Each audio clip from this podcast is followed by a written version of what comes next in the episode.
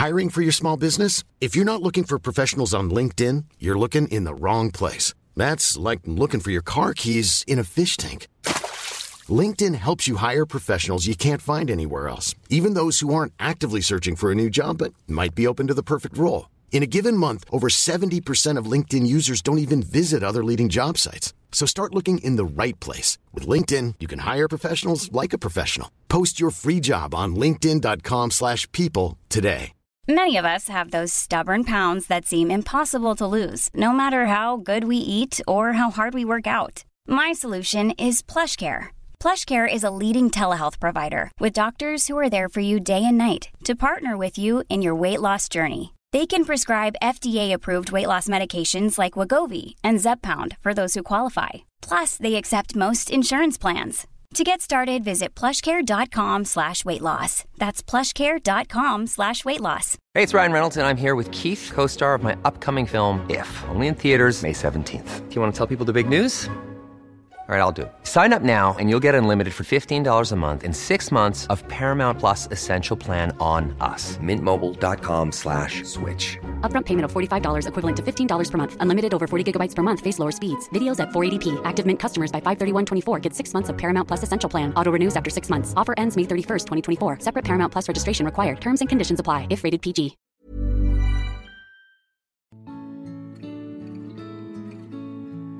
Välkommen tillbaka till podcasten Utan dig med mig Alexandra.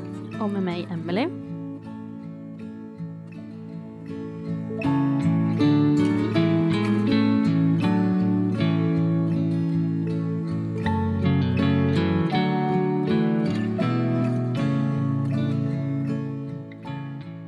Idag har vi Frida med oss. Och du arbetar som dola och dödsdola. Yes. Välkommen! Tack så mycket. Jag flickar in lite här direkt nu. Vi har ju suttit och fått prata med dig en stund här innan vi startade inspelningen. Så nu gäller det för oss att hitta tillbaka till frågorna och vad vi faktiskt vill få ut av det här avsnittet. Mhm. Mm. Men det känns jättespännande att du är här. Mm. Jätteroligt att vara här. Och du har ju faktiskt åkt långväga för att komma hit och det är vi jätteglada för. Ja, jag gillar äventyr. Mm. Åka Ja. från Göteborg till Stockholm är fantastiskt spännande. Mm. ja, hjärtligt välkommen till Stockholm och till oss. Tack. Jag tänker att eh, vi kan ju börja med att berätta hur man hittar till dig. Dola-Frida heter jag eh, på Instagram och på internet och så. Så mig kan man hitta som Dola-Frida. Brukar funka med en googling. Mm. Annars så eh, hittas jag också i Göteborg, Mm. där jag bor. Just det. Men som sagt jag kan ta mig någonstans om det skulle vara så. Mm. Mm. Men om man efter det här avsnittet känner att åh, men jag vill verkligen komma i kontakt med dig, då är en enkel googling så hittar man till din hemsida eller Instagram. Ja, dolafrida.se. Skulle du egentligen vilja börja berätta lite om doula-arbetet i stort? Absolut. Jag har varit doula sedan 2009. Och då har jag varit förlossningsdoula den mesta tiden av den tiden helt enkelt. Ehm, jag utbildade mig i Göteborg och jag utbildade mig också direkt, direkt därefter till förlossningsdoula. Men jag har alltid varit väldigt intresserad av döden i hela mitt liv faktiskt. Ehm, när jag gick på högstadiet och hade barnkunskap så gjorde jag ett skolarbete om dödfödda barn.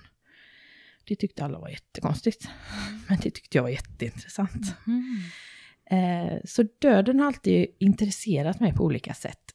Så när jag hörde att det fanns dödsdoler också så blev jag väldigt intresserad och tänkte att ja, men det går ju hand i hand med det här. Födelsen och döden. Liksom. Så började jag läsa lite böcker som handlade om dödsdolande helt enkelt. Det finns ju inga svenska böcker om det men utländska death doula books liksom. Och sen så kom det en utbildning till Sverige. Tänkte jag, shit det blir ju skitbra. Då kan jag utbilda mig på svenska, så slipper man krångla med engelskan. Eller vad det nu skulle kunna vara för språk. Så då har jag gått en utbildning till dödsdoula och håller på att certifiera mig till det. Vad spännande. Och Eh, vad innebär det att vara dödsdoula? så som jag ser det, att vara dola är ju att vara ett fysiskt stöd, emotionellt, spirituellt eh, och informativt stöd i den händelsen som det handlar om. Om den är födelsen eller om det skulle vara en abort eller om det är ett tandläkarbesök eller döden till exempel. Så olika saker som kan hända under livet kan man ju faktiskt ha en dola med sig. Eh, som kanske är lite extra påläst om just det. Den typen av händelser kanske kan stötta bäst i den situationen. Så ja, ett stöd. En dola har ju inget medicinskt ansvar utan är liksom stödet helt enkelt. Mm. Jobbar du heltid som dola? Nej, gör jag inte. Jag skulle nog aldrig klara av det mentalt eh, med många doluppdrag, för man ger så himla mycket av sig själv när man dolar. Så jag tycker att det är lagom att kanske ha, jag brukar säga 10 doluppdrag när det gäller förlossningar per år. Eh, sen om det är andra typer av doluppdrag så får man anpassa det. Mm. Men eh, som dödsdola så vet man ju aldrig riktigt när man ska dö. Så det kan ju bli utdraget över en längre tid. Födelsen är lite mer liksom bestämd. Det är give or take ungefär nio månader. I alla fall sex till nio månader. Mm.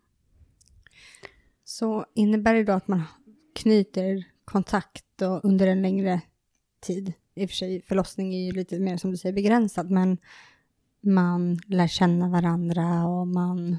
Precis. Det viktigaste är ju att vilken händelse det än är, att den upplevelsen blir så bra som det bara går. Och så nära önskemålen som det bara går. Och jag kan ju givetvis jobba som, om man ska säga, akut dola. Att man bara hoppar in och gör sitt jobb. Men då kanske man inte får ut det bästa av mig heller. Då är det mycket bättre om man har lärt känna varandra innan. Och till exempel om det handlar om döden då, att man kanske vet hur man vill dö eller eh, har pratat om vad man har för önskemål och man, hur man tänker om döden och kanske hur de eh, nära och kära tänker och så. Det blir mycket bättre om man har fått prata igenom det innan. Men de som du brukar dödsdola, brukar det oftast vara de som eh, kommer dö? Eller kan det också vara deras anhöriga? Eh, jag har inte dödsstolat så många eh, ännu. Och min tanke med dödsstola grejen är väl mer eh, de som ska dö framför allt. Eh, och också kanske mer knutet till mitt liksom födelsedola-grejen. Jag tänker om man kanske vet att ens barn är sjukt och kommer att dö, så finns jag där för det också. Så. Eh, eller om eh, någon av föräldrarna kanske ska dö. Så har man haft mig som förlossningsdola till exempel så känner man ju redan mig på det sättet och vet som jag kan, liksom, kan komplettera. Eh, nu dog ju min systers son tidigare i år. Och då kände jag ju verkligen att jag gick in i min doula-roll väldigt mycket för att stötta den sista tiden på sjukhuset. Och liksom körde allt det praktiska runt omkring. Och det är lite så som jag känner att doula-grejen är för mig. Mm. Så då blir du egentligen inte bara den som ska dö på ett sätt? Nej, det är fast, det fast det kanske beror lite på också, ja, men som du säger, om det är ett barn. Då har man ju ofta föräldrar nära och så. Ja, men precis. Mm. Och jag tänker att om det är en äldre person som ska dö så handlar det väl mer om den äldre personen men kanske också lite om de anhöriga såklart. Men det är nog upp till varje dola att känna lite vad man vill lägga sitt krut om man säger så. Vad man är mer intresserad av. Många kanske är intresserade av till exempel sorgebearbetningen, att det är en jättestor grej och det blir ju oftast en jättestor grej för de som är kvar efter dödsfallet. Liksom. Mm. Och då kan man ju göra en jättestor insats där. Mm. Ja, och du näm nämnde ju nu att din systers son dog tidigare år. Och du berättade här innan för oss också att ni hade haft fler dödsfall i familjen. Ja, precis. Min syster och min kusin är lika gamla och de hade två, en pojke var som var lika gamla också. Och eh, min kusins pojke dog också i år, i somras. Så att, eh, ja, vi har haft ett eh, mörkt år. Mm. Ja, det låter inte kul. Nej. Gud, jag kan inte föreställa mig hur det är att förlora ett barn. Men eh, jag har varit glad för det lilla jag har kunnat göra för dem. För att underlätta deras Mm. tid efteråt och runt omkring. Tror du att din liksom, erfarenhet som dola också har hjälpt dig? Ja, det tror jag nog. Eh, jag är också väldigt intresserad av krisbearbetning. Så att jag, jag, jag vet inte om jag, om jag ska uttrycka mig rätt här. Att jag tycker om att jobba med folk i kris. För det är väl lite det som man kan tänka att en dola gör. Att man roddar med det praktiska. Liksom se till, tänker de här fyra h i, i kris. Liksom, att Mm. häll i, håll om, håll ut, håll tyst. Lite så här, man försöker att se till att det är, är bra för dem som har det värre för tillfället liksom. Mm. Var det svar på din fråga? Mm. Ja, absolut. Ja, det känns som eh, att du verkligen är rätt person på rätt plats på något sätt. Man blir lite så här lugn och ja, det är väldigt intressant att lyssna på Mm. dig när du berättar. Ja, jag tycker man blir glad av dig också. Ja, det är ju faktiskt väldigt positivt när det är lite jobbigare. Mm. Men det måste ju vara jättedeppigt. Alltså om du träffar nya personer och de frågar vad du jobbar med och så när du berättar just dödsdola. Bruk, alltså vad brukar du få för reaktioner då? Jaha, oj, vad är det? Men va? Hjälper folk att dö då eller? Mm. Ja, på sätt och vis. Kan man ju säga. Mm. alltså, Ja. det var någon som sa härom, eh, härom veckan så här, åh, du är en dödsängel. Och där, d- d- så långt hade jag inte tänkt själv riktigt. Det kändes lite, lite makabert eller lite, Mm. men ändå fint kanske. Mm. Det Men- kanske var sagt med kärlek i alla Ja, fall. det var det. Ja. Mm. Ja, men verkligen liksom viktigt arbete som kanske inte så många vågar närma sig. Nej, alltså. Det är ju lite, det är ju, jag håller ju doulautbildningen för, loss, för förlossningsdolor. Eh, och det är ju mycket läskigt också kring en förlossning, för det är mycket starka krafter som händer då. Liksom. Det är verkligen urkraften och det är ju liksom samma urkraft sen när man dör på sätt och vis. Liksom. Att det är början av livet och slutet av livet. Och det är klart att det är väldigt bra om man står stadigt på jorden om man ska hålla på och jobba med de grejerna. Eh, och döden är ju otroligt mycket tabu som ni vet. Eh, men nu känns det som att jag älskar att prata om döden. Liksom. Mm. Hur ska du begravas? Nej, usch, jag ska inte dö. Hej, okej. Mm. Mm. Så hur ska du begravas? Åh gud, jag har storslagna planer. Mm. Jag vill ha lite så här, lite drama. Och pampigt och så. Jag har planerat. Mm. Och del, min, eh, min dotter frågade sina bröder häromdagen hur de skulle begravas. Och då var det väldigt, eh, väldigt stora frågor som kom upp om Gud och inte och kyrkan eller borgerligt. Och, men gör det enklast möjliga och ha stor fest efteråt och sådär. Mm. Och det är väldigt intressant att, jag menar, man brukar kanske inte prata med sina tonåringar om begravningen annars. Hur, ska det, hur vill du ha det om det skulle hända? Liksom.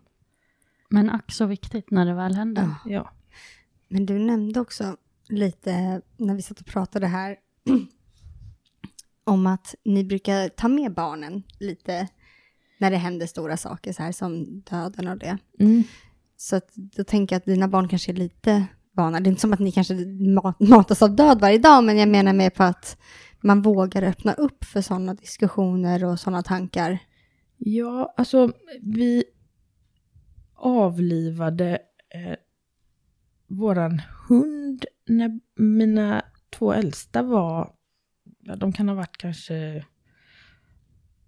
ja, nästan, jag var nog höggravid med våran yngsta, så då var de väl kanske ett och ett halvt och tre typ. Eh, och då hade vi med pojkarna då till eh, djursjukhuset. Och där fick vi oss en utskällning att vi hade barnen med oss, för man tar inte med sig barn på sånt här. Och det struntade jag helt och hållet i. Tänkte att det är väl lika bra att de får se hur, hur det funkar. För att, att de, så att de förstår att hon är död till slut. Och vi gjorde en liten bok, vi tog massa kort och så gjorde vi en liten bok. Och de läste ju den här boken i flera år och det var ju långt efter förmodligen att de, de skulle väl egentligen inte ha kommit ihåg henne för de var så små. Men de kom ju ihåg henne långt efteråt. Och ingen av barnen verkade minsta traumatiserad av att de var med på den här avlivningen, hur hemskt det än låter liksom. Och de har fått vara med när, eh, ja, när min mormor och morfar har dött och varit där och tittat och liksom så här. För jag tänker att det är viktigt att förstå att den inte har gått bort, liksom, eller somnat in. Man använder liksom de rätta orden. Nu är, nu är hon död. Hon kommer inte komma tillbaka. Eh, och det har väl förhoppningsvis eller förhoppningsvis så hjälper det dem framöver. Och nu när min systers pojk dog, då var ju eh, min dotter med hela tiden och hjälpte till. Och det var ju också skönt för syskonen att det fanns någon med som inte tyckte att det här var fruktansvärt och läskigt och skrämmande. Mm. Så här, liksom van att bli medsläppad av mig på alla möjliga konstiga saker som händer i livet. Mm. Jag tror det är väldigt klokt. Och kanske att, in, alltså så att de inte målar upp en stor skrämmande bild. Alltså det är fruktansvärt när folk dör och man blir jätteledsen, men också det behöver inte alltid vara så läskigt som man tror att det är. Nej, och alla minnena får vi ju ha kvar. De har vi ju kvar. Alla glada minnena och alla tråkiga också, men alla, vi får ju lyfta fram allt det härliga vi, vi kommer ihåg liksom. Mm. Det är väl viktigt. Men har du några så stående rubriker för dig själv som du liksom utgår från när du jobbar som dola? Eller dödsdola främst? Alltså utgå ifrån Mm. individen mm. helt enkelt.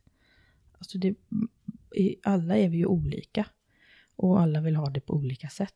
Och jag kan inte heller döma eller värdera varför du vill ha det på det viset. För jag kan inte din historia och den kan du få behålla för dig själv om du vill. Om du säger att det ska vara så här, då är det så. Och så gör vi så gott vi kan för att det ska bli på det sättet. Eh, oavsett vad det är. Jag tänker att det är, som dola så får man alltid utgå utifrån personen och dens önskemål. Det spelar ingen roll vad jag vill eller tycker eller känner. Eh, och sen vad det nu är jag hjälper till med? Är det information eller är det bara samtal eller är det rent fysiskt stöd eller mer spirituellt att vi liksom beroende på vad vi gör liksom. Mm. Så gräver jag ju i min verktygslåda och försöker plocka upp det verktyget som funkar. Mm.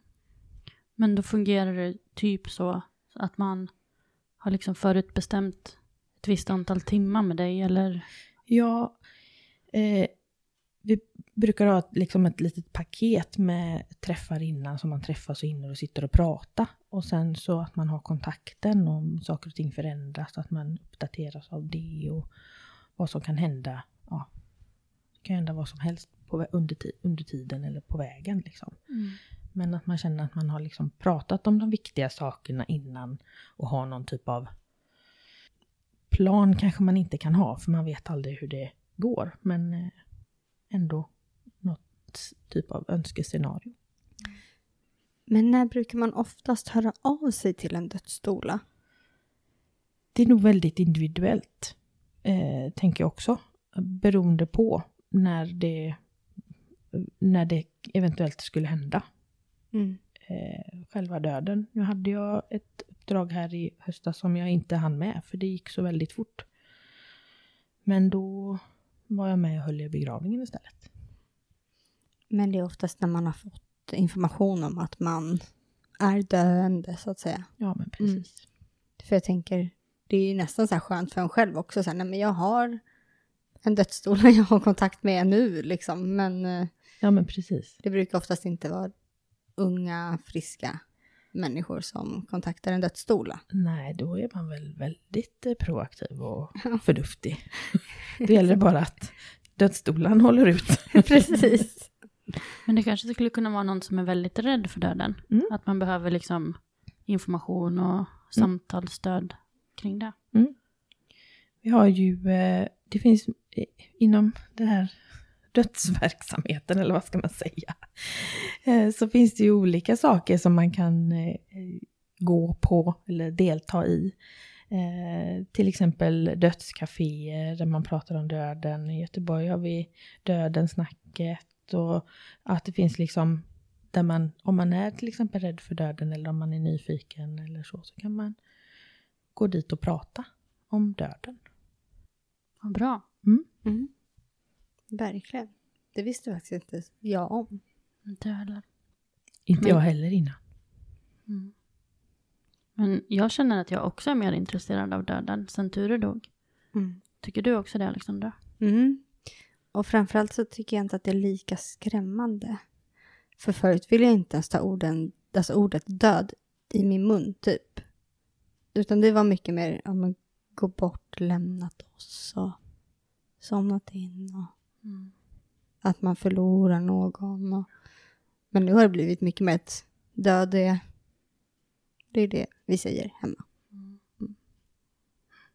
Men det där går ju också så här upp och ner. För ibland, eller väldigt ofta, pratar ju vi hemma och även vi två tillsammans att ja men Ture och Sally är i himlen och nu kan de göra allt de inte kunde och sådär. Och ibland är det jätteskönt och tröstande och ibland då är det bara, men gud, det, han är ju stendöd liksom. Han, ja. Man blir liksom less på sig själv för att man fjantar runt med låtsashistorier liksom. Mm. Men eh, tror du att någonting speciellt händer liksom med en när man dör? Att man hamnar någonstans eller så? vet inte vart man hamnar, men jag tänker att själen lever vidare och den är här ibland oss. Min dotter säger det, det är mycket enklare om man tror på Gud. Det är mycket mer, ja, det är väl lite så med religionerna, då har man något att gå på. Mm. Mer konkret gärna Ja. att det händer något men vi vet inte vad. Nej, precis. Men jag tror inte att det bara blir svart. Det tror jag inte. Nej, jag tror på själarna. Mm. De är här.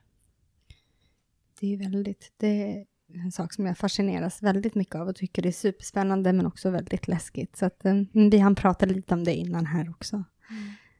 Em, så att det, ja, det är spännande.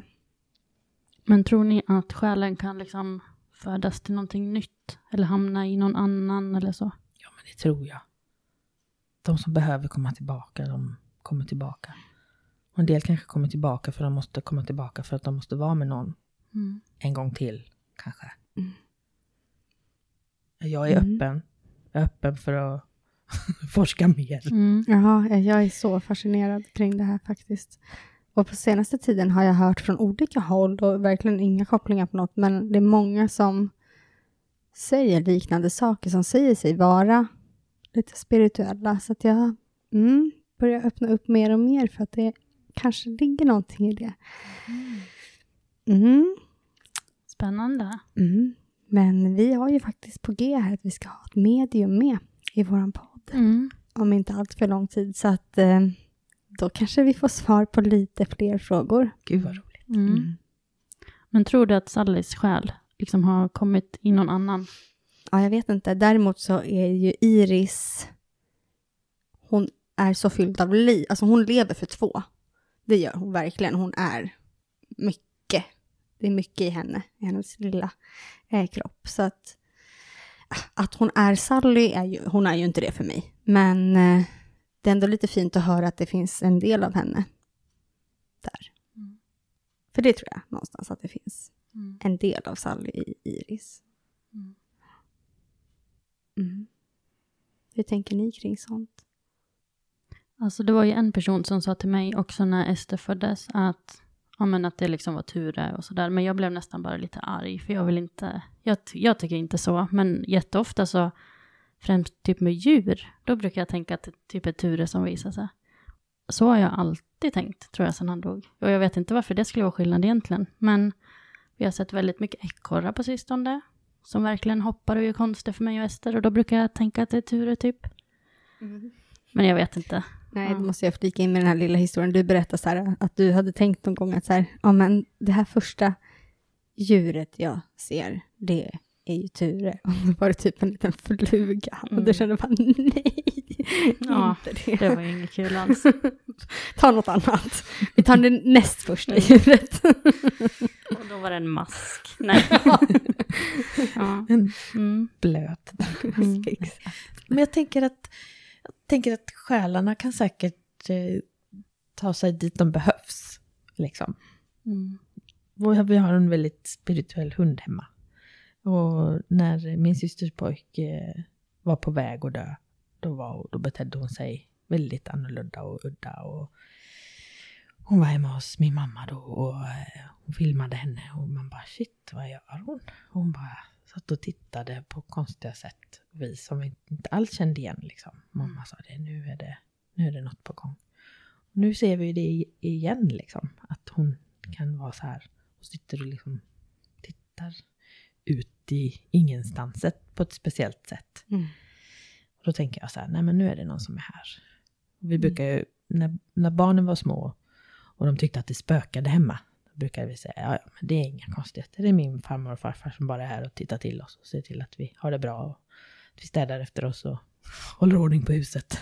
Vi bor i deras gamla hus nämligen. Mm. Så de bara, "Ah, okej. Mm. Ja, men jag tror också att Ture spökar och så, och inte bara Ture, andra också, men just att han skulle liksom vara i någon annan, det tror jag inte att, nej jag vill nog att han ska få vara Ja. sig själv. För då hade han ju heller inte det som med Sally, alltså kunnat spöka. Om han nu var i Någon Ester. annan? Ja, det blir lite konstigt. Ja. Men det, ja, jag, jag har fått höra sådär att man kommer ner tillbaka på jorden och så. Fast det kanske inte går så fort, jag vet inte. Jag är verkligen inte kunnig som sagt. Och jag, det här är bara sånt som har kommit till mig senaste, säg två månaderna. Och på flera olika ställen. Så jag matas väldigt mycket av det just nu.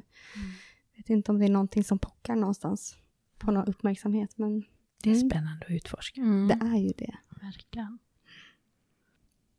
Men vi har ju också bett våra lyssnare ställa lite frågor som de är nyfikna på och undrar. Mm. Så vi kan väl börja med frågan om dödsstolar är ett nytt yrke. Ja. Jag skulle väl kanske kunna säga både och. Eh, jag tänker att just ordet dödsstola eh, i Sverige i alla fall är en hyfsat ny företeelse. Ordet dola i Sverige är också ganska nytt. Det har ju kanske bara 25 år på nacken liksom. Så att det är klart att det är nytt då, om man nu ska säga så. Eh, och att ha just dödsdolarrollen som sitt yrke är väl väldigt nytt, ja. Jag tänker att det blev väl väldigt stort när utbildningen kom till Sverige, helt enkelt. Och när var det? Eh, den första utbildningen började ju eh, hösten 2021. Det är ju väldigt nytt. Ja, precis. Och om man vill anlita en dödsdoula, bekostar man det då själv eller är det någonting man liksom kan få hjälp med via vården eller liknande? Jag skulle nog säga att det är, kommer nog vara vanligast att du får betala det själv. Eh, inom förlossningsdoula eh, yrket, om man nu säger så, så finns det ju studier på att om dolan är bekostad av kliniken, om man säger så, så faller lite av den här lojaliteten man har mot sin klient. För att det ska ju vara liksom dolan och klienten och inte dolan och sjukhuset till exempel. Sen finns det ju olika projekt och så som har haft förlossningsdolar där det funkar jättebra. Men då är det ju inte sjukhuset i sig som har dolerna utan kanske ja, med projekt och så. Det kan jag tänka mig att det kanske kommer vara så för dödsstolar också men att det i den stora utsträckningen kanske kommer att finnas på begravningsbyråer att få hjälp med eller så.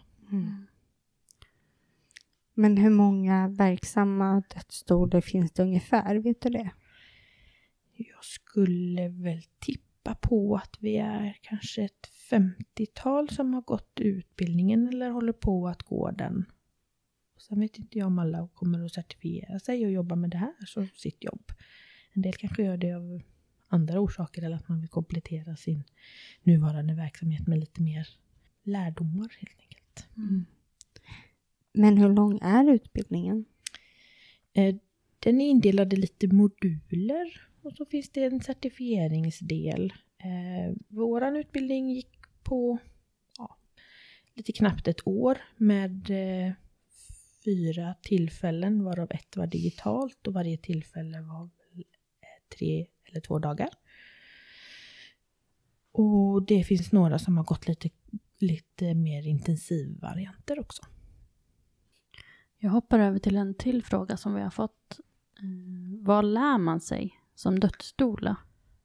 Åh, vad spännande. Eh, vi har lärt oss om till exempel omhändertagande av eh, den döda kroppen, den döda personen. Och kistläggning. Och eh, vi har även provat olika kistor. Vi har fått provligga om vi har velat. Då måste jag ju flika in och fråga om du valde att göra det. Självklart. Mm. Ja, jag blir inte förvånad måste jag säga. Jag provade alla som fanns tillgängliga och vi la på locken också. Och, Mm. Ja. men hur kändes det? Men jag har inte cellskräck. Nej. Så jag har valt den. Eh, kollade om den fanns tillgänglig nu, men den var tydligen slut på lagret. Men den var den skönaste. Tyckte jag i alla fall. Mm. Så ja. Eh, vad har vi lärt oss mer? Ja, vi har ju lärt oss om hur, hur det kan se ut när man dör. Vi hade Petra Hellberg hos oss som jobbar som, hon är barnmorska och specialistsjuksköterska och jobbar inom palliativvård. Och hon eh, var hos oss på utbildningen och berättade jättefint om hur det kan vara när folk dör. Det kan vara rått men vackert. Ja, vi hade också grupparbete om eh, döden i olika kulturer. Det var fantastiskt roligt. Jag tycker sånt är jättespännande. Så vi redovisade lite för varandra då om hur det kan vara i olika kulturer. Fick du med dig någonting därifrån som du tänker att så här, det här vill jag anamma? Alltså jag tycker om att blanda. Och jag tänker också att det kan vara bra att vara öppen för att blanda, för man vet aldrig vad man får för klienter. Eh, men eh, lite från alla möjliga som var liksom så här, ah, men na, det förstår man ju varför. Jaha, gud vad intressant. Eh, men jag gillar ju lite mexikansk Day of the Dead och så. Att, att hylla de döda och att det blir liksom lite mer fest och färger och så. Målat sig som lite sådär i ansiktet? Och, Ja, jag gillar sånt. Jag är Ja. en sån typ av person.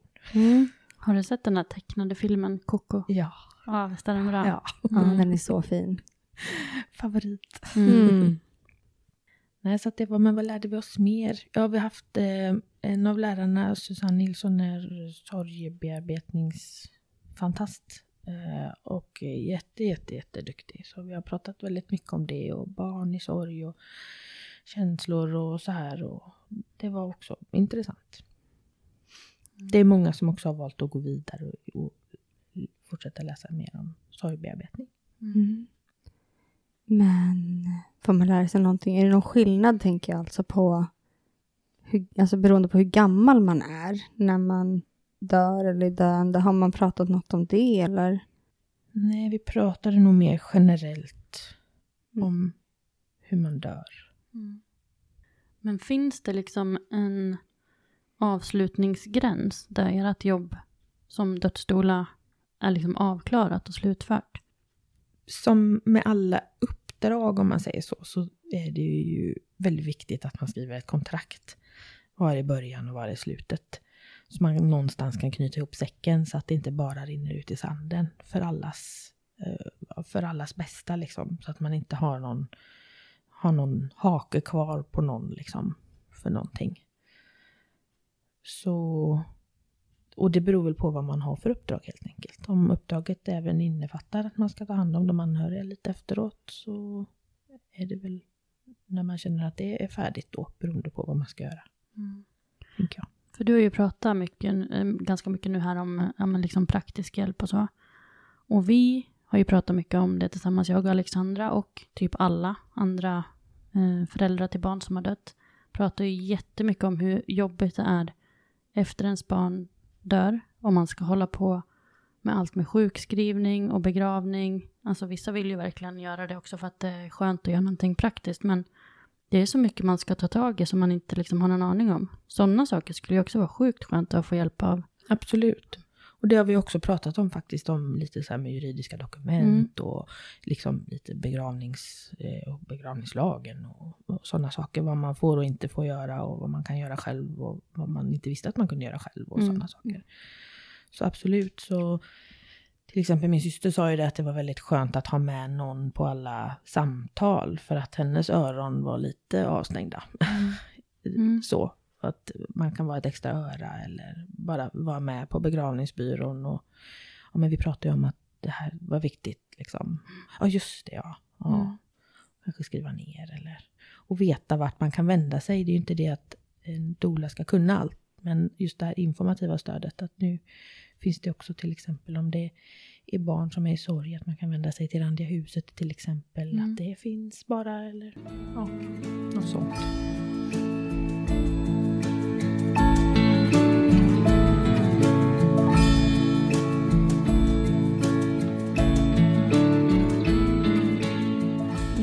Jag att lite på det här med att trösta.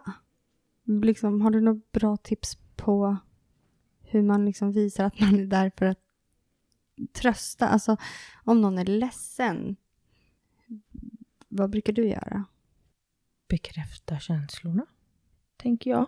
Det är, jag tänker att många är, är rädda för att gråta eller att vara ledsna. Det är lite läskigt. Jag brukar tycka synd om mina arbetskamrater för de har fått se mig gråta. det är väl lite så här, I'm sorry. Ni får bara deala med att jag kommer att gråta här för att jag har en tung dag, helt enkelt. Eller att vi pratar om någonting och så bara väller tårarna ut, liksom. Och jag brukar försöka säga det till andra, att lika väl som man kan skratta tillsammans kan man väl gråta tillsammans. Och ibland skrattar jag men inte du, och ibland gråter jag men inte du.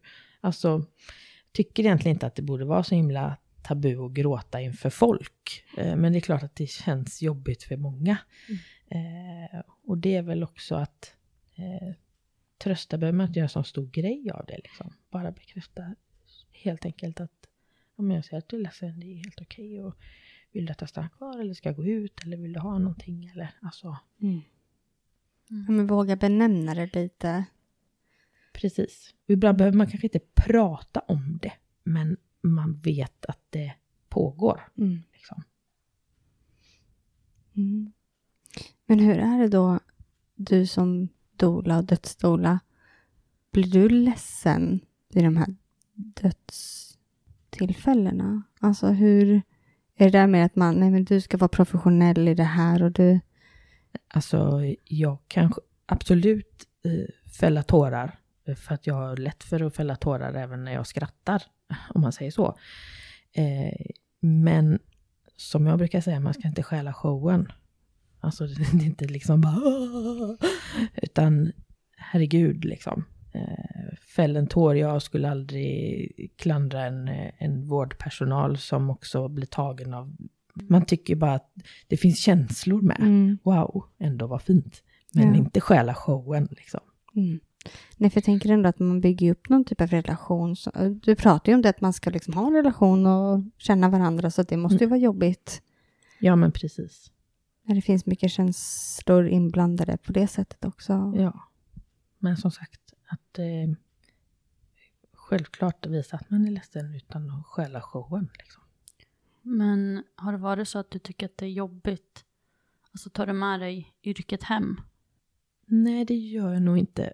Och jag tänker att det kan vara viktigt att ha någon som man kan köra lite debriefing med. Och det har jag alltid som dola. Har jag någon när, närmast, närmast sörjande, höll jag på att säga. Men någon som verkligen kan få den där, den där i knät. Bara "Ugh", så. Oavsett vad det är. Eh, För det vet jag i, i början hade jag inte riktigt det på samma sätt. Någon som var liksom eh, i, i steget som jag på det viset. Så då eh, var det lite jobbigare. Ibland kom jag hem och la det i knät på min man. Mm. Och det är inte så himla bra. Mm. Stackars honom. Men Mm. eh, ha någon som man som liksom kan vara ens bundsförvant Mm. är viktigt i, i den rollen också. Jag tänker att om man jobbar på sjukhus så har man ju sina kollegor. Och det är klart att jag också, om jag har varit på sjukhus, har kunnat prata med personalen om någonting till exempel. För att liksom, nu är de de enda som jag kan prata med det här om till exempel. För att de vet precis också. De vet vad som hände eller de vet. Så, och jag har aldrig upplevt att personalen har liksom, nej du tillhör inte oss, vi kan inte prata om det här. Utan vi var ju där tillsammans. Liksom. I'm Sandra, and I'm just the professional your small business was looking for. But you didn't hire me because you didn't use LinkedIn jobs. LinkedIn has professionals you can't find anywhere else, including those who aren't actively looking for a new job but might be open to the perfect role, like me. In a given month, over 70% of LinkedIn users don't visit other leading job sites. So if you're not looking on LinkedIn, you'll miss out on great candidates like Sandra. Start hiring professionals like a professional. Post your free job on linkedin.com/people today. Hey, it's Ryan Reynolds, and I'm here with Keith, co star of my upcoming film, If, only in theaters, May 17th. Do you want to tell people the big news?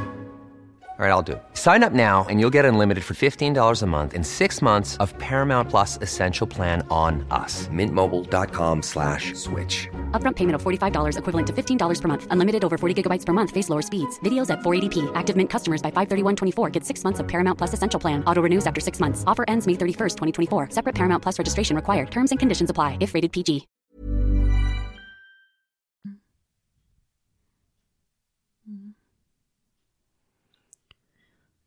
Vi har fått en fråga här också. Och den lyder, vad är det tuffaste med yrket som dödsdoula? Ja, men jag skulle säga barn. Och där är det väl också lite, det spelar nästan ingen roll hur gammalt barnet är. För föräldrar att liksom att ens barn dör är ju jävla skit alltså. Även om man är liksom 70. Det känns som att människan inte är gjord för att man ska begrava sina barn. Så det är... När det finns föräldrar med känns det som att då är det, då är det jävligt. Mm. Det är inte roligt. Ja, Jag har tänkt på det där lite. Det känns som att folk tror att det finns någon övre gräns på föräldraskapet. Lite som att så här, nej, men om jag lever och är 100 och mitt barn är 80 och så dör mitt barn så är det typ som att då ska man, ja men den var ju gammalt men det måste ju ändå finnas liksom föräldrakänslorna är ju kvar fortfarande oavsett att barnet är Ja men precis. Nej jag tänker att det, är- det är nog det. Uh, usch. Sen är det väl jouren. Det kan bli, det kan vara, det kan vara tufft att ha jour. mm. Jag är ganska van att ha jour men det är just det där att man har man beredskap då är man ju alltid redo. Man vet Just aldrig det. vad som kan hända. För att man då har ett uppdrag? Eller ifall att Ja man... men precis. Mm. Lite så här, man vet inte när man föder och man vet inte när man dör. Mm. Men tror att det skulle vara extra jobbigt om det var barn som var i samma ålder som dina barn? Åh, vad svårt. Det skulle det säkert. Absolut. Men det känns som att det kanske alltid finns något barn i ens närhet som man kan relatera till oavsett. Mm. Ja, det här behöver inte du svara på om du vill, men du nämnde ju att din, dina söner var båda jobbar inom försvaret. Usch ja. Ja. Eller den ena gör lumpen och den andra jobbar inom försvaret. ja. Mm. Det måste ju också vara att det, med tanke på att du jobbar med det du gör också, att Ja. ja, tankarna, Jo, men och den ena är ju väldigt nära Ryssland. Så det känns ju också lite halvt olustigt. Men jag tänker att det kanske är större risk att eh, man går ut i gatan och blir överkörd egentligen. Eh, än att dö som soldat i Sverige. Om man nu säger så. Men eh, det är klart att det är läskigt som mamma. mm. Men de verkar göra bra ifrån sig så jag får vara stolt över det. Mm. Och jag kan inte bestämma vad de ska göra. Jag skulle aldrig hindra dem, herregud. De har motorcykelkörkort också. Det är ju ännu läskigare. Mm. Gud. Vi har ju fått en hel del frågor som är eh, lite samma. Eh, som vi då har sammanställt och då är det mycket sådana här funderingar om ja, till exempel hur stöttar man en vän på bästa sätt som man vet inte har långt kvar att leva. Mm. Alltså det är väl det här med att våga fråga. Jag tänker att allting är ju jätteindividuellt och man kan inte ha ett svar så. Men våga fråga och våga prata om det. Att det är väldigt viktigt. Jag tänker lite som att det här att våga fråga och våga prata om eh, era barn som har dött till exempel. Som min kusin sa till mig, jag vill aldrig sluta prata om Elton. Aldrig. Jag vill bara prata om honom hela tiden liksom. Mm. Och att man vågar ställa frågan också till den som ska dö. Hur, hur känner du eller hur tänker du? Och se vart det landar. Nej, jag vill inte prata om det. Nej, nej, då gör vi inte det. Eh, men det finns ju också hjälpmedel, till exempel sådana här dödscafén eller eh, så. Vi eh, provade, jag eh, beställde en egen döbra kortlek. Där det är ett eh, bra gäng frågor som är eh, med anknytning till att man ska dö och vad som man kan tycka är viktigt för den. Jag tänker att det är lite som till exempel att man skriver ett förlossningsbrev, att man, det finns massa olika saker man kan ta ställning till eh, även när man ska dö då. Eh, är det viktigt att jag har någon typ av andlig ledare hos mig? Är det viktigt att jag har pratat med mina barn om hus och hem kanske? Och så sorterar man in de här korten i vad man tycker är jätteviktigt, inte så himla viktigt och inte viktigt alls till exempel. Och så kan man ändå kanske utgå ifrån det om man liksom vill det. Som vän kanske man inte beställer en sån här kortlek, men den finns också på nätet. Man kan kolla på frågorna. Till exempel om man, om man själv känner att jag vill ha något att prata om kanske. Mm. Det lät ju jättebra tycker jag. Mm. Mm, verkligen. Jag körde det med mina kompisar. Mm. Och vi hade jätteintressanta diskussioner. Och sånt som man kanske aldrig har pratat om annars liksom. Mm. Men eh, att man vågar fråga tänker jag är bra. Mm. Och sen så tänker jag att det är kanske mycket praktiskt. Men nu är det för att jag är en sån person som kanske ser mer till det praktiska och koordinera och liksom, man kanske inte behöver göra allting själv åt sin vän men man kan se till att det finns ett litet nätverk som hjälps åt. Mm. Nu kom jag på en grej som vi fick frågan om när vi visste att Ture skulle dö. Och det var ju att om vi hade någon plats som vi liksom ville att han skulle ha varit på innan mm. han dog. Mm. Och någon sån fråga är ju jättebra att fråga sin vän också. Mm. Jättebra. Och sen kanske det inte alltid är möjligt att ta med vännen dit, men då kanske man kan göra någonting. Ja, så inte den här vännen sen ska ligga där och ja, men, ha haft någon önskan som någon man hade kunnat gjort. Ja, precis. Någon får åka dit och köra videosamtal. Ja, exakt. Ja, så man ska våga prata och fråga. Mm. Precis, så var det många liknande frågor då med ja, hur stöttar jag en ungdom som har förlorat sin ena förälder och nu också kommer förlora den andra. Um, så det är väl lite mer hur man stöttar en anhörig. Ja, och det är ju också väldigt individuellt tänker jag. Det beror ju verkligen på, finns det ett nätverk eller finns det inte ett nätverk? Och man kanske bara ska hitta på och göra saker som inte, vi behöver inte prata om döden, men bara liksom komma ut ifrån huset kanske, eller mm. ja, göra andra saker. Jag tänker att det, något som jag tycker är bra när det är liksom i kris, det är just det här, och det har jag hört från andra också, att liksom någon tar lite kommandot. Liksom. Det kanske är Dolan då som tar kommandot. Och ja, nu har vi vännerna, nu gör vi en Facebookgrupp eller Messengergrupp eller Whatsappgrupp och så har vi lite koll. Vi blandar inte in familjen men vi vet vem som städar eller vi vet vem som fixar med maten eller handlar eller vem som hämtar och lämnar på dagis idag eller liksom tar hunden till veterinären eller vad det nu kan vara. Att man liksom kan hjälpa till i skymundan om man säger så. Vi har koll på läget nu och vi är inte en som ska dra hela lasset utan vi hjälps åt. Det är inte det att de som sörjer ska sitta där och bara inte göra någonting. Men det är jäkligt tungt i början. Det är exakt det där man verkligen hade uppskattat så mycket. Att ha det där nätverket som tar för sig lite. Mm. Mm. Jag roddade ju med mina, mina kollegor lagade mat åt min syster som jag åkte och hämtade och lämnade. Eh, För att jag är ingen höjdare på att laga mat. så att det var helt uteslutet. Men som hon sa, det är så himla tråkigt med hämtmat. Alltså man blir ju trött på det liksom. Och bara ha med sig en vettig liten matlåda till sjukhuset när det var liksom dag ut och dag in. Och det är ju faktiskt verkligen nummer ett som alla säger. Mm. Och praktisk hjälp och framförallt maten. Mm. Och det är ju så viktigt. Mm. Det var jättebra. Matlådor och fikalådor, hör ni det alla? Mm. Ja, fikalådor, det lät också väldigt trevligt.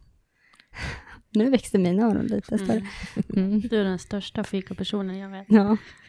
Och med största menar jag inte att du är stor, utan att du är en, en stor fikafantast bara. Japp. Mm. Och gillar typ mest min egen fika som jag har bakat också, så lite egoistiskt där också. Det är nu du ska säga att mina bullar är väldigt goda. Dina bullar är jättegoda. Tack. Ja. Eh, tycker du, Frida, att det är något speciellt som man borde fundera på eller liksom ha pratat igenom innan man dör? Rent allmänt, alltså oavsett om man inte riktigt är döende just nu. Den, den stora grejen är väl nästan hur man vill ha det. Antingen när man dör eller eh, på sin begravning. För att jag tänker att det, det där är, där sitter de anhöriga och är helt förkrossade och kan inte tänka. Och så ska man försöka fixa så som man kanske tänker att det skulle den här personen som har dött kommer att uppskatta eller tyckte kunde vara fint eller åh, liksom. Jag tänker att det hade varit så skönt för många att slippa det just där och då. Att det är någon som har styrt upp det lite. Mm. Så bara, men jag vill helst ha blått tema bara. Sen kör lite kaffe och bulle bara efteråt. Och Mm. blått tema, Mm. typ. Eller vad det är. Whatever. Men då tänker jag lite på, tänk om de här anhöriga inte alls håller med. Ja, det har vi också pratat om en hel del. Mm.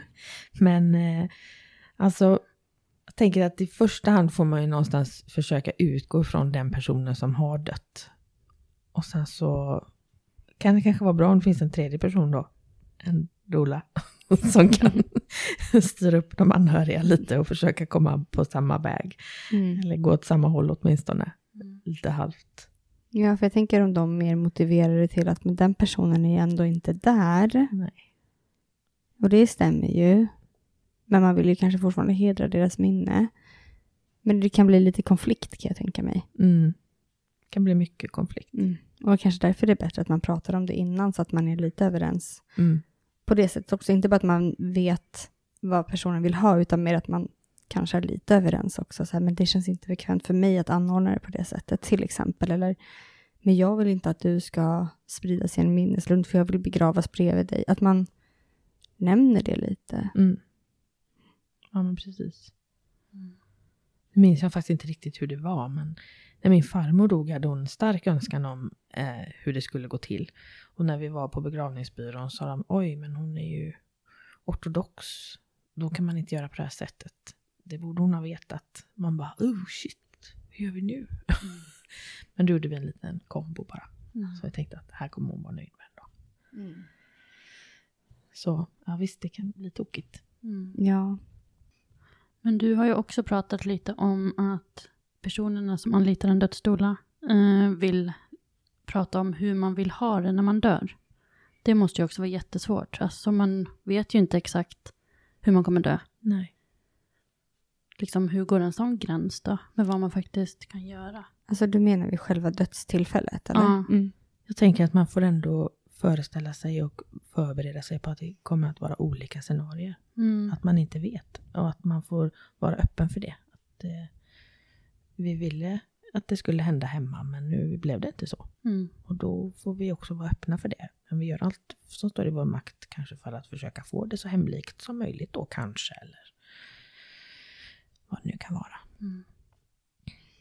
Du nämnde ju också det här med att du inte hann fram, eller ja.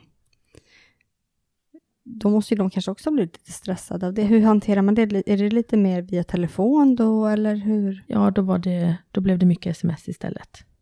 Men det var lugnt och sansat så att det var helt okej. Okay. Men eh, det är klart att som doula känner man sig lite otillräcklig när man inte är på plats och gör sitt, får, liksom, kan göra sitt jobb då eftersom jag känner att mitt jobb är där och då. Mm. Liksom. Men då får man hjälpa till lite efteråt istället. Mm. Det blev bra det. Mm. Och då var det sms med de anhöriga? Ja. Mm. Så så kan det vara. Mm. Mm. Ja, och det är ju lite livet också. Ja. Oförutsägbara saker sker. Tänk om man skulle veta hur och när man skulle dö. Nej, det vill jag inte veta. Inte Nej. Nej, man kanske hade velat veta det om man visste, alltså, om man visste att det var i sömnen när man är 105 år och allting är tipptopp. Då kanske man hade velat veta att det var trevligt. Men om det inte är så, så kan man gärna skippa det. Ja, precis. Kan man köra placeboeffekten också? Mm. Exakt. Mm. Men är det någonting som du liksom är rädd över att behöva möta i det här yrket? Jag tänker lite att det som korsar min väg, det får jag dela med helt enkelt. Mm. Jag tar väl mig an det som kommer till mig. Det är väl menat att jag ska ta i det, helt enkelt. Mm.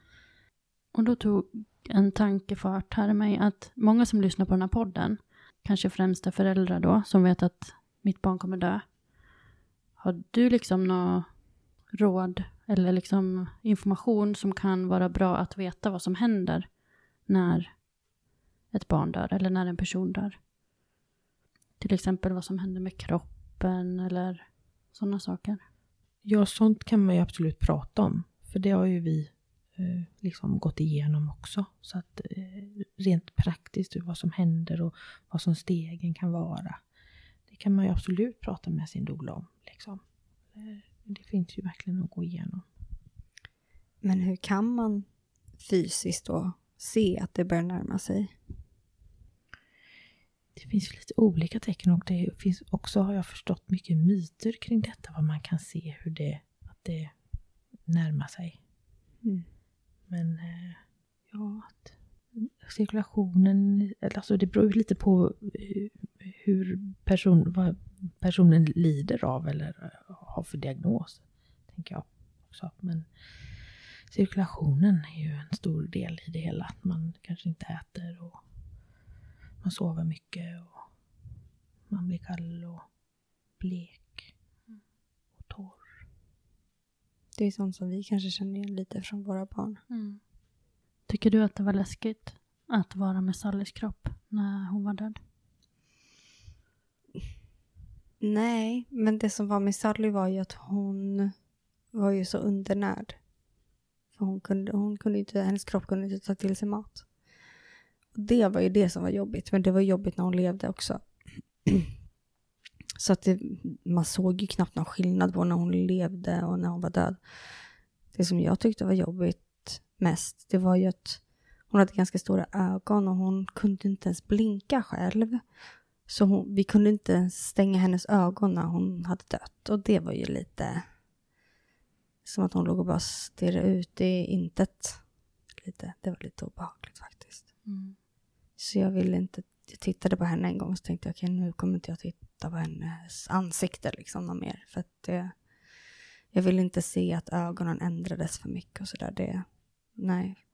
För hon dog ju där på natten och så skulle vi kistlägga henne på morgonen och då var det lite att Nej, jag vill inte se det i hennes ögon. så. Mm. Du då?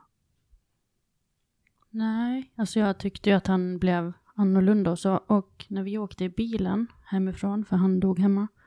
Och så åkte vi till, om en lilla ö, barnhospice där vi var ganska mycket. Och då hade de förvarnat oss om att det kan rinna kroppsvätskor och det var jättebra att de hade gjort det, för det, lite rann det. Jag vet inte om det var från öra eller munnen eller näsan. Näsan var det nog tror jag, men det var lite läskigt. Mm. Men eh, nej, alltså jag, jag, jag kommer ihåg att min syster sa det också, att hon tyckte, liksom inte att jag var konstig, men att ändå typ jag pussade så mycket på honom och jag var så här, äh, hon var lite så här, men gud förstår du inte att han är död, typ. Men det är klart att han blev ju kall och lite blå och han blev ju dock liknande. Men han såg ju mer ut som att han bara sov än vad Sally gjorde. Mm. Mm, på henne så hon såg ju också ut som en docka lite sådär. Men hon hade ju öppna ögon och såg precis likadan ut i princip. För att hennes hud och det var redan lite så vaxaktig och så. Ja, och det tycker jag gick jättefort. Alltså att Ture fick liksom som en annan färg. Ja, läskigt. Fast Mm. ändå inte läskigt. Alltså, Nej, precis. Det, jag var väldigt, väldigt rädd för det innan. Men när, det väl hade, när hon hade dött så var det inte så lika läskigt längre. Och det är det som jag menade på när, när du har tagit med barn. Och, alltså, så att jag tror att man målar upp en mycket läskigare bild i sitt huvud än vad det faktiskt är. Förutsatt att det inte är en olycka såklart och sånt. Men om man dör mer, lite mer långsamt skridande så, så ser det kanske inte lika läskigt ut som man tror att det ska göra. Nej, jag tänker att det kan vara... Alltså, för andra... Och, alltså, det finns ju vuxna människor som inte har sett en död person också. Men just att om man nu är med någon som faktiskt dör, att man också vågar ta på den personen även när den är död.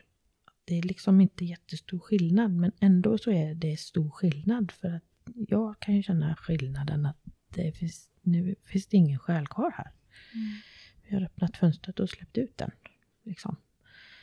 Alltså det, det är skillnad men ändå inte. Det är fortfarande personen liksom. Mm. Precis, fysiskt så är ju den personen kvar där. Och, Ja. När min systers pojk dog då var det liksom, vi var verkligen där och fixade ordning och tog hand om och liksom. Och jag tänker att det kan vara bra också för alla inblandade för också att förstå att nu är han död. mm. Så att det, det blir lite mer konkret. Mm. Det är väldigt definitivt. Ja, Mm. det är ju verkligen det. Och det är väl lite som jag sa om Petra Hellberg som var hos oss. Just det här råa som kanske inte är så vackert. Men som ändå är. Som får, måste få vara. Liksom. Mm. Och det kanske en doula också kan hjälpa till med. Att liksom, det kan vara så här och kanske fixa ordning lite. Alltså nu har vi ju jättefin sjukhuspersonal ofta när det handlar om barn också. Och självklart de vuxna också. Men eh, ibland kanske det känns skönare att ha någon som man känner och har valt själv. Som är där och Mm. pysslar om liksom. Exakt. På ett Det, annat sätt. ja, det hade jag lite, eller vi då, lite turen att den sjuksköterskan som jag hade kommit närmast eh, när vi var på Lilla Erstagården jobbade natt den natten Sally dog. Mm. Hon skulle egentligen inte göra det. Hon hade bytt jobbpass och så var hon där då.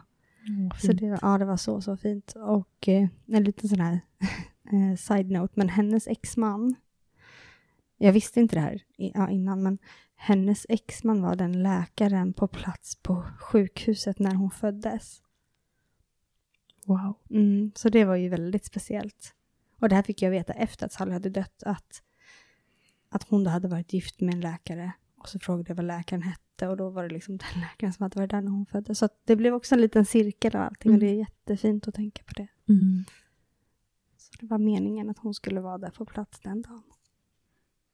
Det är det där kontinuerliga stödet. Mm. Så kontinuiteten är så himla viktig. Finns det folk som har förutfattade meningar kring ditt yrke? Ja. Och vad skulle det kunna vara för något? Att man vill komma och ta över någonting. Eh, ta någon annans roll. Det är en vanlig förutfattad mening. Men jag tänker att dola, doula-rollen är sin egen. Och alla behövs. Det är lite så här, the more the merrier. Kan jag känna att vi, vi, vi är ändå så flockdjur. Vi behöver varandra. Var inte det mycket vanligare förut, tänker jag, eller i andra kulturer också, att man var flera personer, att man hjälptes åt på ett annat sätt än vad man gör idag. Jo, men det tar ju, det krävs en by att uppfostra ett barn liksom. Mm. Så, jo, jag tycker att vi har tappat det mycket. Ja, men till exempel med generationsboende och sånt som man hade mycket mer förut än vad man har idag. Ja, precis. Och att barnen då på så sätt också kunde se och vara med om till exempel dödsfall eller att man hade fler hemfödslar förut och, och så än vad man har idag.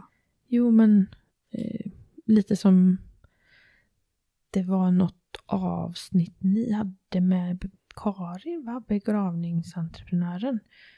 Som jag minns så himla väl. För att det var någon man som hade fötts i någon eh, kökssoffa som också dog där eller fick den som Mm. sin kista sen. Och just det här att, precis som du säger, att man kanske förr i tiden så såg man barn födas hemma, man såg eh, folk dö hemma det, jag är också väldigt intresserad av det här med amning till exempel. Att man såg hur det såg ut. Man fick, det var liksom en del av sitt sociala arv, allt det där som händer i livet. Att man har det, hade det med sig på ett annat sätt.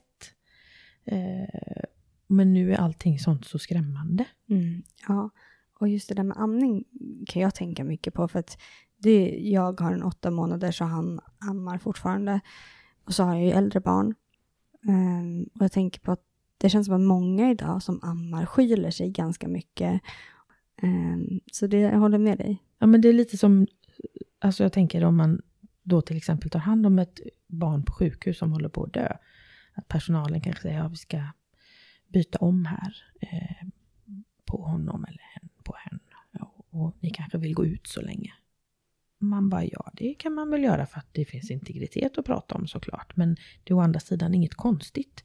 Det- Vi behöver inte visa allting bara för att vi ska byta om. Alltså, det är ju en del av livet, det där med döden. Men ehm, just med det med att byta om och, så. Hur kommer det sig egentligen att man gör det? Tänker du efter när man har dött att man tar på sig, ja det är jag jättedålig på. Mm. Svepningen. Men jag kan göra det. Mhm. Men jag är dålig på orsaken. Mm. Men är det något särskilt som man tänker på när man gör det? Eh, hur tänker Alltså du? man typ tvättar på något särskilt sätt och lite sådär eller? Jo men det blir ju lite eh, ceremoniellt helt enkelt. Att man tar hand om kroppen en sista gång. Men det är också lite så här att det blir enklare. Liksom. Att det finns ett speciellt sätt. Det finns en ceremoni man gör, det finns en ritual man gör. Liksom, som är lika för alla eller så. Så att det blir Men gör man- man det på alla? tvättar. Ja, eller jag menar mer på ett särskilt sätt. Eller är det lite olika? Jag tänker att det är typ på ett särskilt sätt. Ja, men också som för vår del när vi var på det här barnhospicet. Vi fick ju väldigt mycket information till oss om hur mycket gick till. Mm. Och jag bad specifikt om mycket information för att jag ville veta. Men du fick säkert också ganska mycket information. Eh, Men jag tror att det är väldigt många föräldrar som förlorar sina barn som inte vet om allt det här. Jag tänker kanske också om man förlorar sitt barn hastigt. Mm. Att det inte finns någon förvarning riktigt. Exakt, Då blir det lite tomt. precis. Mm. Då tänker jag att den vanligaste vägen är väl att man går till en begravningsbyrå. Och så är man på sjukhuset får man kanske reda på lite och sen så kontaktar man dem och då ställer man alla sina frågor där. Men kan man kontakta dig som dödsstola även vid hastiga eh, dödsfall? Ja, det blir ju kanske inte riktigt som ett vanligt uppdrag då. Men eh, om, om, om dolan eh, är bekväm med det så varför inte? Mm. Som sagt var, de flesta doler är ju... Deras vilja är ju att stötta. Och Då kanske det inte är så noga om det är just det, den som håller på att dö eller den som dör eller den som har dött. Utan det funkar också att stötta Mm. de närstående. Med den kunskap vi har då helt enkelt. Mm. Är det någonting annat som du tänker att det kan vara bra att vi lyfter? Det finns en sån fin bok. Jag minns dig. En bok till dig som förlorat en viktig person. Eh, En fylla i-bok. Jättebra tips. Mm. just om man tänker att jag vill inte glömma bort. Ja, och för eh, liksom framtida släktingar och ja, mycket. Mm. Jättefin bok. Det finns ju även, om vi nu pratar böcker, så finns det ju även en annan bok som är en bok lite mer om, li alltså om livet och sånt för att andra ska kunna komma ihåg sen. Ja, men jag tycker att den är väldigt fin. Jag har köpt den till min morfar Mm. för att jag vill att han ska få vara med och fylla i den så att vi har ett minne av honom. Mm. Den heter Mi, Mi, Mi, så att det är lite mer så här, jag, jag, jag. Mm. Ehm, som Stacking Stories har gjort. Ehm, det är eh, två tjejer Mm. som även har gjort andra fylla i böcker. Men det är också ett litet tips. Mm. Ehm, mer att man fyller i till exempel vem var min första kärlek och men sådana här frågor som man kanske inte pratar jättemycket om, framförallt inte med äldre. Nej. Till exempel, det här var mitt första jobb eller det här gjorde jag något som var lite busigt och ja, det kan vara vad som helst. Jag tycker att ja, om vi ändå pratar om sådana typer av böcker så innan man dör kanske man också vill.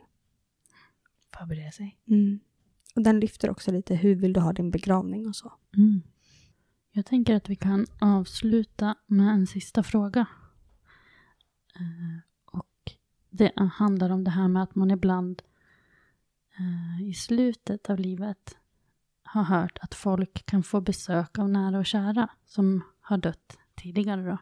Har du märkt av något sånt? Ja, det har jag. Det är som vi pratade om tidigare. Jag tycker att det är lite mysigt att få påhälsning. Men, eh, ja, men jag är helt övertygad om att kommer att hjälpa över. Men har du sett det från flera olika håll? Ja. Wow. Jo, men det är väl den här, vad är det, man pratar om den här slöjan mellan livet och döden. Den är tunn och när det är liksom det här ögonblicket, då är den som tunnast. Men eh, hur kan det visa sig då? Om du vill dela med dig på något sätt? Alltså för min del så är det väl mest så att jag känner närvaron. Mm. eh, Helt enkelt. Eh, av vad det nu än kan vara. Vad Det kan nog visa sig på olika sätt. Så sitter vi här i ett rum i ett gammalt, Gammalt. hus i stan. Mm. Knaka lite i golvet. Mm. Och så. Ja, Tänt ett ljus som klockan fladdrar. tickar. Mm. Ja, det blir lite sådär. Mm. Men det där var ju faktiskt inte en sista fråga. För vi brukar alltid fråga våra gäster hur eh, du äger din sorg. Ja, jag gör nog på mitt sätt. Eh, och till exempel så är, musik galet viktigt i mitt liv. Så ibland om jag känner att äh, nu jäklar är det så himla tungt. Så sätter jag på det här begravningslistan liksom. Så, och bara så får det flöda. Liksom. Mm. Hörlurarna på eller högt i bilen i bilkö gärna. Jättejobbigt att jag har elbil som är jättetyst för alla hör vad jag lyssnar på för musik. Men för mig är det nog så ja. Eh, jag och min dotter åker mycket bil ihop och eh, ibland kan hon också känna så här att nu behöver vi, nu behöver vi lyssna på de här tunga låtarna som vi bara lipar till. Liksom. Bara storgråter. Jag vill inte säga fulgråter, för vi storgråter. Det är så skönt. Och jag tänker också att jag älskar oxytocin. Oxytocin är ett så viktigt hormon för oss. Det man får oxytocin av att gråta också. Man kan känna sig efteråt bara, åh, liksom. Man är så här, skönt. Det blir så här lugnt i kroppen. Mm. Efter storgråtet. Mm. Just det. Ja. Så jag skulle nog säga att musik är väldigt viktigt för min sorg, för min bearbetning, för min komma vidare och komma över till nästa steg. Liksom. Ja, tack för att du delade med dig. Tack för att jag fick dela med. Ja, och jättestort tack till din syster som tipsade oss om att Ja. höra av oss till dig. Ja, verkligen. Ja. Det varit jättefint att få vara här med dig ikväll. Mm, det var väldigt mysigt att få hänga här med er. Era röster som känner igen så väl. Vad fint. Ja. Ja, Tack min syster. ja tack. Tack.